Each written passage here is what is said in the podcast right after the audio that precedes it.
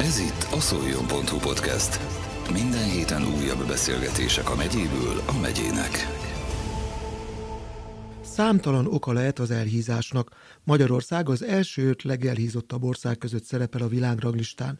Ez a nehézség számtalan családot érint hazánkban, aminek nem minden esetben a helytelen táplálkozás és a mozgásszegény életmód az okozója.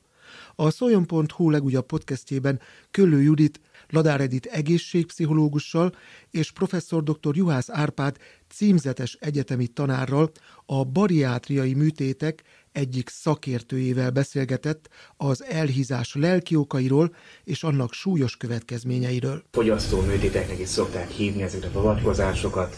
Tulajdonképpen a bariátria annak egy része a sebészet, de ez egy komplex ellátási kört jelent, hiszen ebbe beletartozik minden, ami a túlsúly műtétet hatékonyá teszi, illetve biztonságosá teszi. Értem ez alatt a étkezés előkészítés, a lelki előkészítést, a szükséges kivizsgálásokat, és természetesen az utánkövetést és az után a műtét után segítést. Mindenképpen az elején már tisztázni kellene az, hogy a műtéti kezelés az sosem az első vonalbeli kezelés.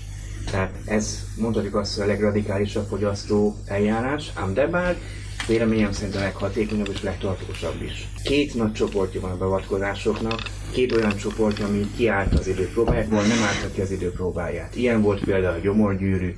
Régebben nagyon sok ilyennel foglalkoztunk, kiderült, hogy több hátránya van, mint előnye, nem végzünk ilyen beavatkozást. Ami szóba jöhet 2023-ban, az egyik csoport, ami a gyomor térfogatát csökkentő beavatkozások, ilyen például a csőgyomorképzés, vagy nemzetközi nevén a szívgasztrektómia, illetve az emésztés befolyásoló beavatkozások, ilyenek a bypass műtétek. A térfogatcsökkentés az egy lényegesen kisebb megterhelés a testünk számára, Tulajdonképpen azt lehet mondani, hogy egy életlenül egy veszélytelen beavatkozás. Nagy gyomorból lesz egy kis gyomor, végeredmény az lesz, hogy egy 200 ml-es gyomrot hagyunk benne a hasüregben, ebbe értelmszerűen bele lehet enni 200 ml étel. A játékszabály ennél a műtétnél az az, hogy napjában háromszor, négyszer azzal eszi tele a beteg, amivel szeretné és amivel kíván táplálkozni, ebben nincsen különösebb megszorítás, ugyanakkor többször nem mehet. Tulajdonképpen ez az egyetlen probléma is ezzel a műtéttel, hiszen ezek játszható. Tehát itt lehet csalni. Csalás azt jelenti, hogy aki nassolgatós, az megteheti azt, hogy fél óránként beleszik egy csokoládét, egy kis pufit, egy kis nasit, és már is nem négyszer, hanem 50 szerevet picit, nap végére tulajdonképpen rengeteg kis adagban ugyanazt a kalóriát bevitte, mint a műtét előtt, azaz semmilyen fogyás nem következik be. Csalt kiátszotta. A másik műtéti csoport, ami az emésztést befolyásolja, ezek a bypass műtétek, ezeket nehezebb kiátszani. Az is igaz, hogy ezeknek azért lényegesen több mellékhatása van. Nem véletlen, hogy a világ megváltozott. Hogyha most mi itt egy 15 évvel ezelőtt ültünk volna egymással szembe, akkor azt mondtam volna, hogy műtéteknek döntő többsége, mondjuk 4 5 de bypass típusú műtét.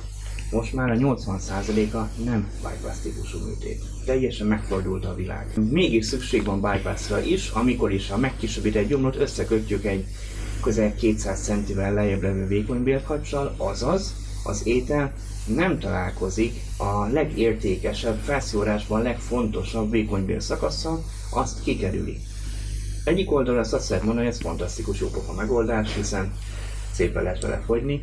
Másik részről azért ez egy tragédia is, hiszen az sem fog felszívódni rendesen, aminek fel kellene szívódnia. Azaz, élethosszig hiánybetegségek alakulhatnak ki, nyomelem vitaminpótlás kell. Tehát, hogy egyszerűen összefoglaljuk, a csőgyomros betegek a műtét után fél évvel még van nekik egy laborvizsgálat, és ha az normális, akkor elfelejthetik ezt a beavatkozást, elfelejthetik azt, hogy velük egy ilyen műtét történt, egy bypassos, az élete utolsó napjáig minden nap emlékeznie kell arra, hogy volt egy ilyen műtétje, mert korrigálnia kell a nyomelem vitamin szintjeit. Az is igaz, hogy azért, hogyha ennyire erőteljesen jelen van egy mellékhatás, akkor azért igyekszünk ezt valahogy picit csökkenteni.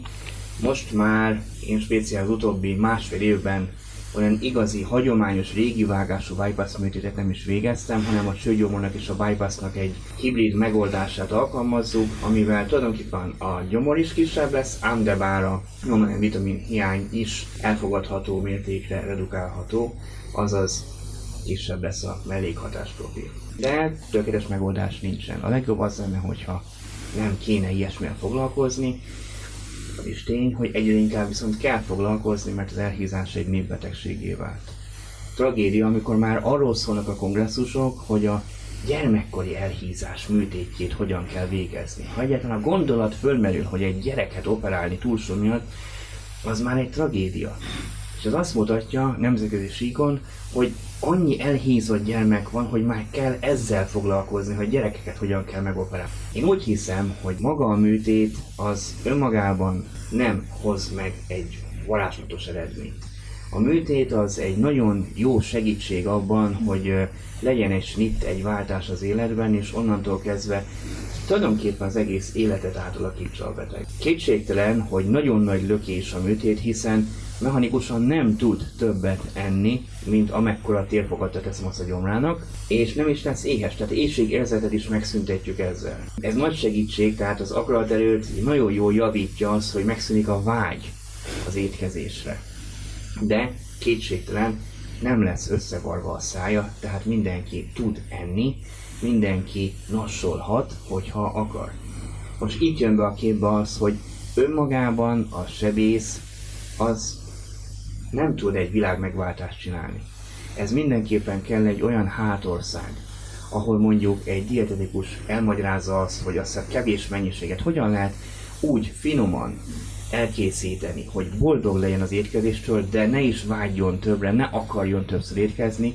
Ehhez kell egy olyan pszichológus, aki megadja azt a hátteret, hogy ha egy étkezési függőség van, mert vagyunk meg őszintén, az étkezés nagyon gyakran egy szenvedélybetegség, ez hogyan lehet leküzdeni?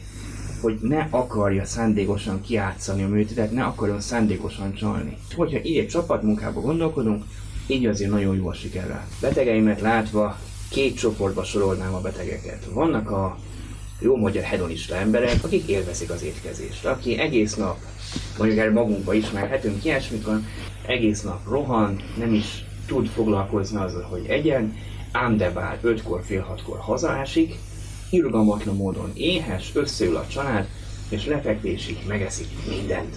És jó ízűen, finomakat, nagyokat étkezik. Ez nem mondhatja, hogy étkezési függőség lenne, ez egyszerűen egy, egy szocializációs kérdés, hogy tehát azt nem mondhatjuk, hogy ez egy szemberi betegség lenne, ez egy szocializációs kérdés, rosszkor, rossz minőséget, rossz mennyiségben lesz. Másik kategória azok az emberek, akik ebben mondjuk a pszichológus kolléganő sokkal jártasabb, mint én, akinél az étkezés olyan, mint a dohányzás vagy az alkohol egy függőség. Szokták is mondani a betegek, hogy meg hát nem csak a beteg, mindenki, hogy a, az édesség az egy boldogsághormon, hogy kompenzál valamit. Fölbosszantják, mérges, azzal kompenzálja, hogy megeszik egy tábla csokoládét.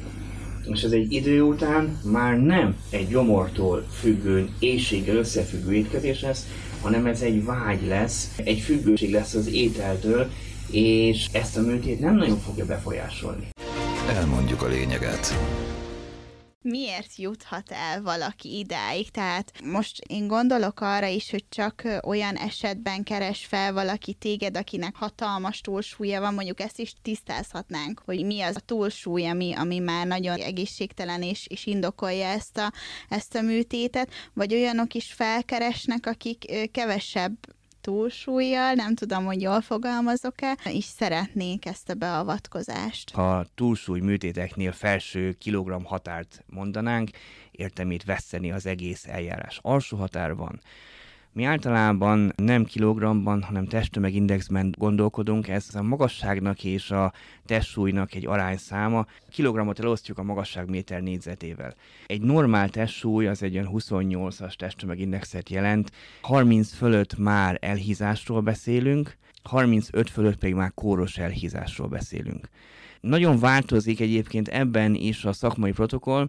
Most lejjebb vitték a határokat, most a számunkra a szakmai protokoll azt mondja ki, hogy 35-ös testtömegindex felett nyugodt szívvel ajánlható a műtét, mert várhatóan jó eredménye, jó hozadéka lesz. 30 és 35 között akkor ajánlható a műtét, vagy akkor vállalható fel a sebész részéről, hogyha olyan társbetegségek vannak, amikor nem az a főcsapás irány, hogy hány kilóval lesz kevesebb a beteg, hanem várhatóan ettől a fogyástól megoldódik a nehezen kezelhető cukorbetegsége, a nehezen kezelhető bájtató magas vérnyomás problémája. Mit jelent az, hogy mondjuk 35-ös testtömegindex? hogyha mondjuk egy átlag magasságú 165 cm magas hölgyről beszélünk, hogyha más a fölé emelkedik a súlya, az már közel 40-es testtömegindexet jelent. A 40-es testtömegindexnél igazolhatóan 10 évvel rövidebb az életkilátás, mint a normál súlyú populációnál. És ez nem abból adódik, hogy hány x a nadrág méret, meg a póló, hanem abból, hogy ezt a súlyt a szív nem bírja hosszú távon és idő előtt szívinfarktus kapnak az elhízott emberek, a cukorbetegségnek megjönnek a szövődményei, a látásromlás, a veseromlás, a végtögi keringési zavar, ezzel is egy vonatkoztatott probléma, aminek az eredete mind-mind valahol a túlsúly volt. Tehát innentől kezdve ez nem egy esztétikai kérdés. Kérdésedre, hogy kik jönnek ilyen műtétekre. Nagyon érdekesen változik a világ. Én amikor egy olyan bő 10 évvel ezelőtt, 15 évvel ezelőtt elkezdtem ezzel foglalkozni, akkor a döntő többsége a betegeknek olyan 140 és 200 kg közötti volt. Valahogy az utóbbi években szétnyílott ez a villa, sorra érkeznek a 200 kg fölötti igen komoly súlyfölösleggel bíró emberek, és érkeznek a 80-85 kilós ippek, hogy túlsúlyos általában hölgyek, akiket sajnos el kell, nem sajnos, el kell küldeni. Tehát nagyon sokan úgy értékelik, hogy ez a könnyebbik út, valljuk meg őszintén, és a média révén ez egy divatos út lett hiszen számtalan celeptől halljuk, hogy nála is ez történt, látják, hogy hú, szép eredményű, akkor nekem is olyan műtét kell, mint ami XY-nál történt. Őket nagyon gyakran le kell beszélni erről. És ez nem azért van, ez a 30-as alsó határ testmegénézve nem azért van, mert a sebész lusta, hanem egyszerűen a hatásfok az minimális lesz. Azt lehet mondani, hogy mindenki relatíve ugyanannyit fogy. A testre megindexek egy 25-30 százalékát ledobják a betegek egy 8 hónap alatt. Ez egy 250 kilós embernél azt jelenti, hogy 6 nap alatt lefelezi a súlyát. Ez egy hatalmas különbség, látványos, boldogok, a szomszéd észreveszi, a munkatársak észreveszik, a család látja, hogy jé, fel tud menni a lépcsőn, már nem liheg a negyedik emelet, hogyha fölsétál. De ez a 25 ugyanúgy meg lesz akkor is, hogyha ő 85 kilós. Ami az ő esetében azt jelenti, hogy fogy mondjuk 7-8-9 kilót. Hát ezért fölösleges bevállalni egy drasztikus, komoly nagy műtétet, akkor el kéne menni egy edzőterembe, vagy beszélni életmódi tanácsadóval, vagy egy dietetikussal, vagy bárkivel, de nem a sebészi megoldás ilyenkor az első vonalbeli. Ha jól tudom, akkor te a Budai Egészségközpontban végzed a műtéteket, viszont itt Szolnokon vannak az állapotfelmérések. Ez egy érdekes kettőség. Nagyon fontos tudni, hogy Magyarországon a testsúlycsökkentő beavatkozások államilag nem finanszírozottak. Sosem voltak azok, vannak rá törekvések, nem tudjuk, hogy ebből mi lesz. Én sebész vagyok, nem politikus, nem látom át azt, hogy ez politikailag, gazdaságilag mikor jöhet szóba esetleg egyszer. Jelen pillanatban rövid távon biztos nem lesz ilyesmi. Ezek a műtétek döntően megyei kórházakban történtek, itt Szolnokon is hosszú éveken keresztül végeztük ezeket a beavatkozásokat, magánfinanszírozott beavatkozásokként, amit egy törvényi váltás az utóbbi időben már nem tesz lehetővé, tehát konkrétan egy sebész egy adott munkahelyen nem dolgozhat közalkalmazottként is, és vállalkozóként is. Emiatt március óta Szolnok városában ilyen beavatkozások nem történnek, hogy meg tudjam oldani azt, hogy el tudjam látni a betegeimet. Emiatt minden hétfői napon én a Budai Egészség operálom a túlsúlyműtétes betegeimet, de kétségtelenül a kivizsgáláshoz, hogy dietetikusi, pszichológusi konzultáció meglegyen, azért ez részemre egy bizalmi kérdés is egy hosszú éveknek egy bejáratott ti munkája nem borulhat fel azért, mert maga a műtét máshol történik. A sebészi vizsgálás Budapesten történik. Magárendelésen a Budegészség Központban a kardiológus vélhetően ott fogja megnézni. De hosszú évek alatt megtapasztaltam azt, hogy teszem azt, melyik pszichológus kollégával jó együtt dolgozni, kinek a leletét fogadom el, és ez viszont nekem szolnokhoz kötődik. Tehát akkor viszont a betegek ingáznak, illetve hát a Covid óta tudjuk, hogy a személyes találkozó az nem mindig kötelező most már a világban, tehát átalakult a gondolkodásunk utóbbi pár évben, nagyon sok minden megoldható most már személyes találkozó nélkül is akár. Mielőtt átélnénk a, a mentális dolgokra, még kérlek szépen annyit mondj, hogy ez a műtét milyen hatással van az emberekre, emberi testre, mikre kell figyelni, milyen állapotban van egy ekkora műtét után az ember. Nem véletlenül merül fel az, hogy ezt a társadalombiztosítás szálljon be, vagy fizesse ki teljes egészében ezeket a műtéteket. Ez nagyon sok országban ez így meg is valósul. Ennek a legfőbb oka az, hogy kristálytisztán látható az, hogy a túlsúly műtétek legkevésbé fontos eredménye az esztétikai kérdés. Természetesen a testkép változni fog, soványabb lesz a külleme mindenkinek, de a legfontosabb az az, hogy átlag négy hónappal a műtét után a betegeknek több mint a 90%-a elhagyja a vérnyomás csökkentő gyógyszerét, szinte mindenki elhagyja a tablettás vércukorgyógyszerét, az inzulin igényes cukorbetegeknél is csökken az inzulin igény, a légzés funkció javul, és ami nagyon fontos, hosszú távú életkilátás lényegesen jobb lesz, visszatér az életkilátás arra a szintre, mint a normál súlyú populációi. Innentől kezdve azt lehet mondani, hogy ez egy nagyon sok területen egy teljes embert gyógyító beavatkozás. Tehát nem egy luxus, nem egy divat hóbort egy ilyen műtétet bevállalni. Ugyanakkor az kétségtelen, hogy amiért mondtam, hogy nem az elsődleges választandó megoldás a sebészet, mert ezek nem kis műtétek. Minden műtétnek van rizikója.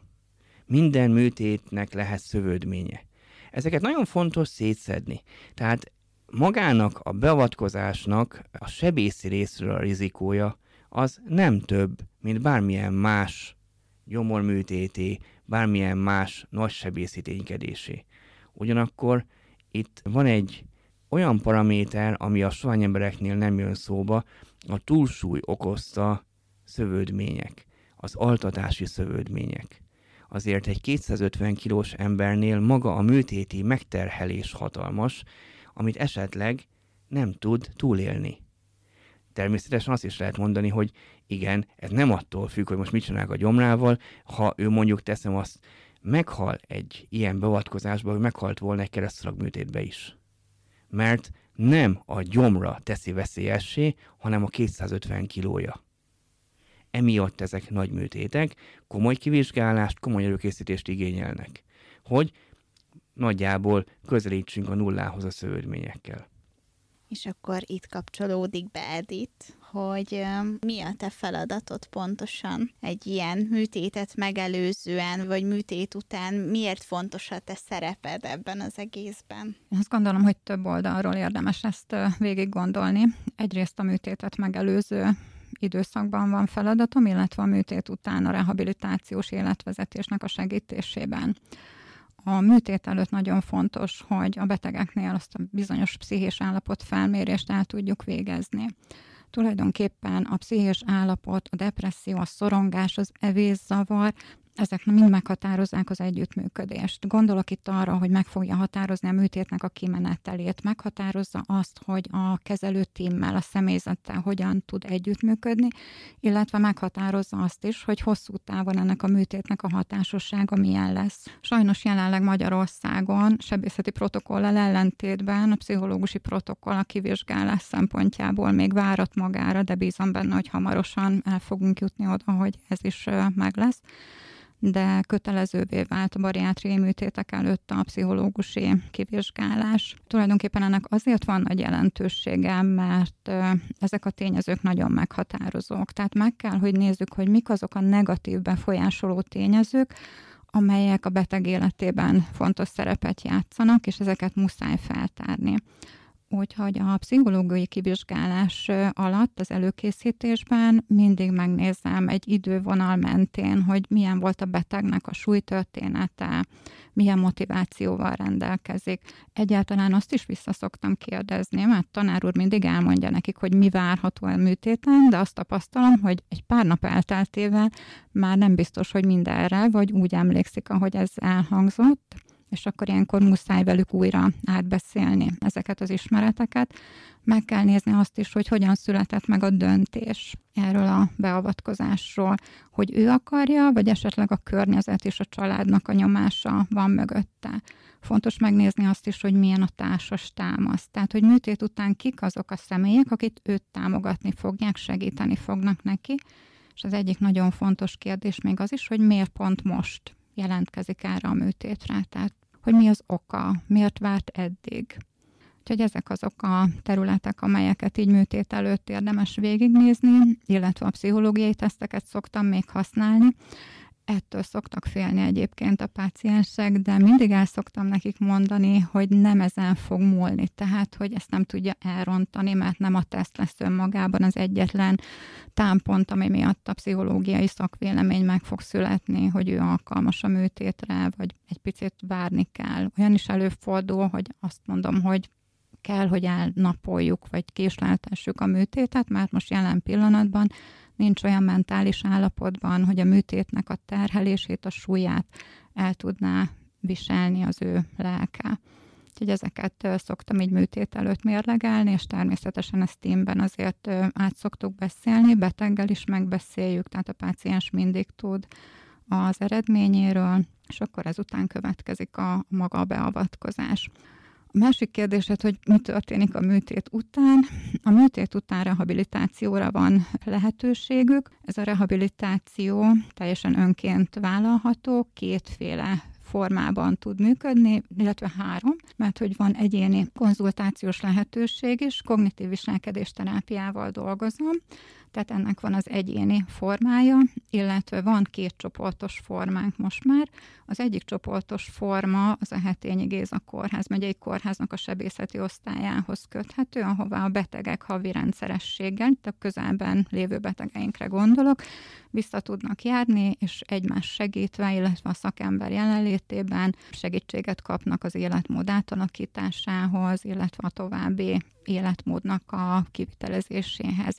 A másik forma, ami most már működik, a dietetikusunkkal kettős vezetésben Nyikos Ráhellel dietetikusunkkal történik, itt szintén kognitív viselkedés terápiával dolgozunk, de online formában, és itt az ország több területéről vannak bent pácienseink.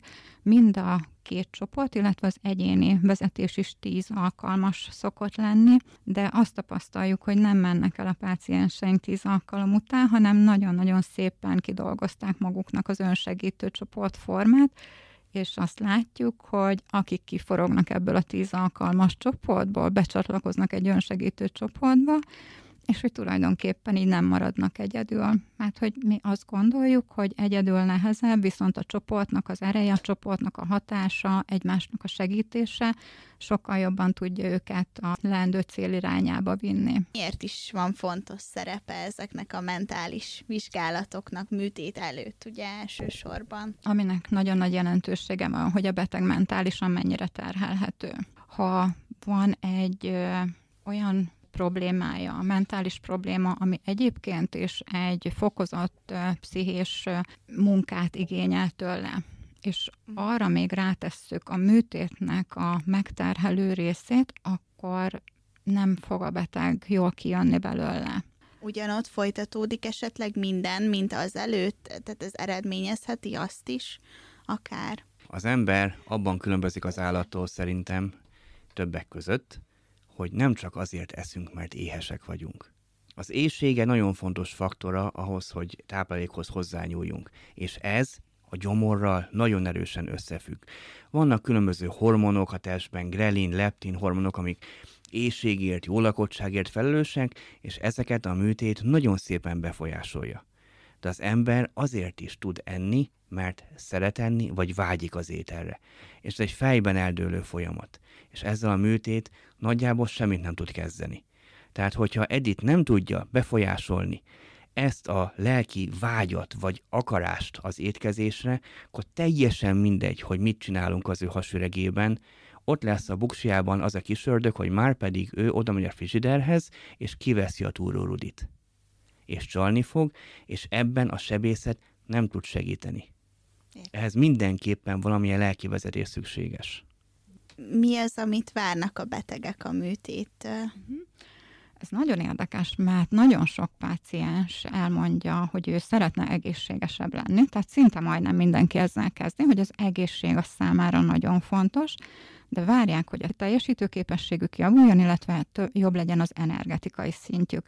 Viszont magyar kutatások már irányultak ebbe az irányba, és azt tapasztalják, hogy a férfiak és a nők női nem között különbség van, és a nők sokkal inkább az esztétikai megjelenésben a javulást várják, azt várják, hogy energikusabbak legyenek, illetve, hogy nyitottabbak legyenek a társas kapcsolataikban.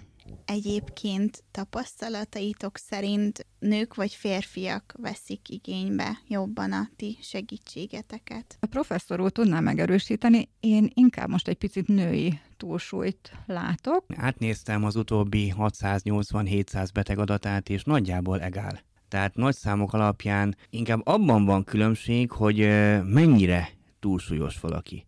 Az extrémen túlsúlyos kategória az döntően a férfiakat érinti független attól, hogy várhatóan a statisztika biztos nem hazudik ebben, ugyanannyi extrémen túlsúlyos nőnek kell lenni, mint férfinak, hiszen ez sima mateknak kell lennie, de mégis a nagyon-nagyon elhízottak, azok döntően férfiak. A kevésbé elhízottak, azok viszont döntően hölgyek.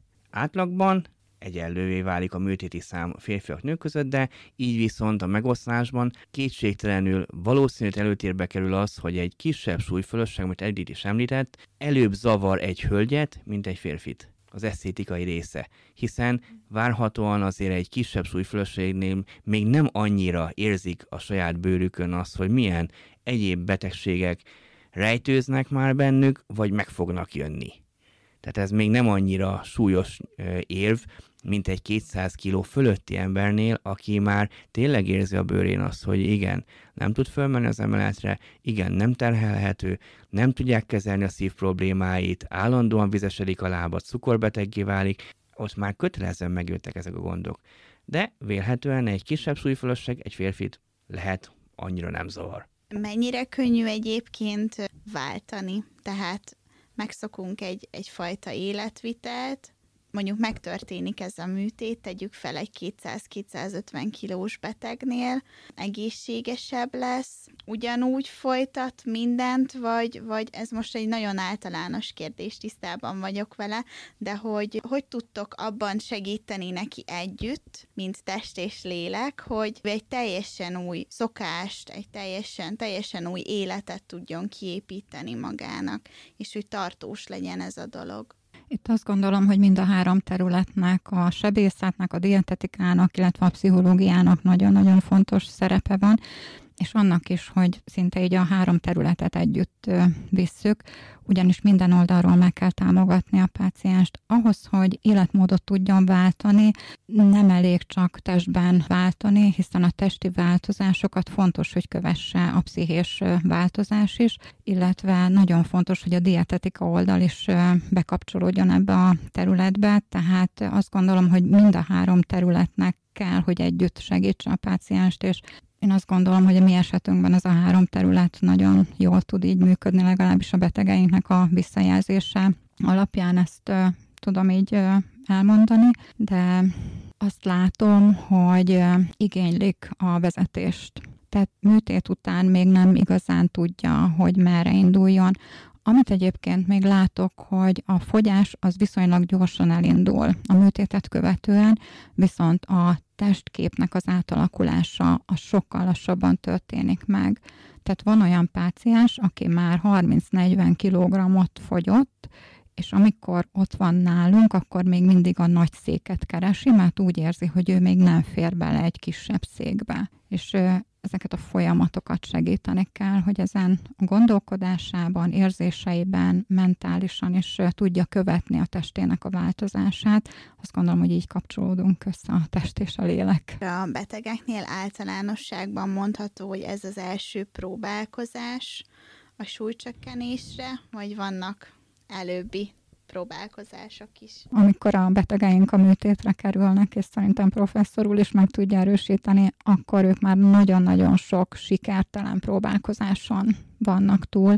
A korábban megpróbált diéták, fogyókúrás módszerek ideig, óráig működtek, de nem hoztak kellő eredményt, és nagyon sokszor tényleg több éven keresztül fogyókúrázik, bőjtál, mindenféle divaddiétát kipróbálva, és egyszerűen a jó-jó effektusnál találja magát, mert lefogy, visszahízik, lefogy, visszahízik, és éveken keresztül ez a mechanizmus játszódik náluk. Nadár Edith egészségpszichológussal és professzor dr. Juhász Árpád címzetes egyetemi tanárral beszélgetett az elhízás lelki okairól és az esetleges súlyos következményekről, Köllő Judit. Ez volt a szoljon.hu podcast. Minden héten újabb beszélgetések a megyéből a megyének.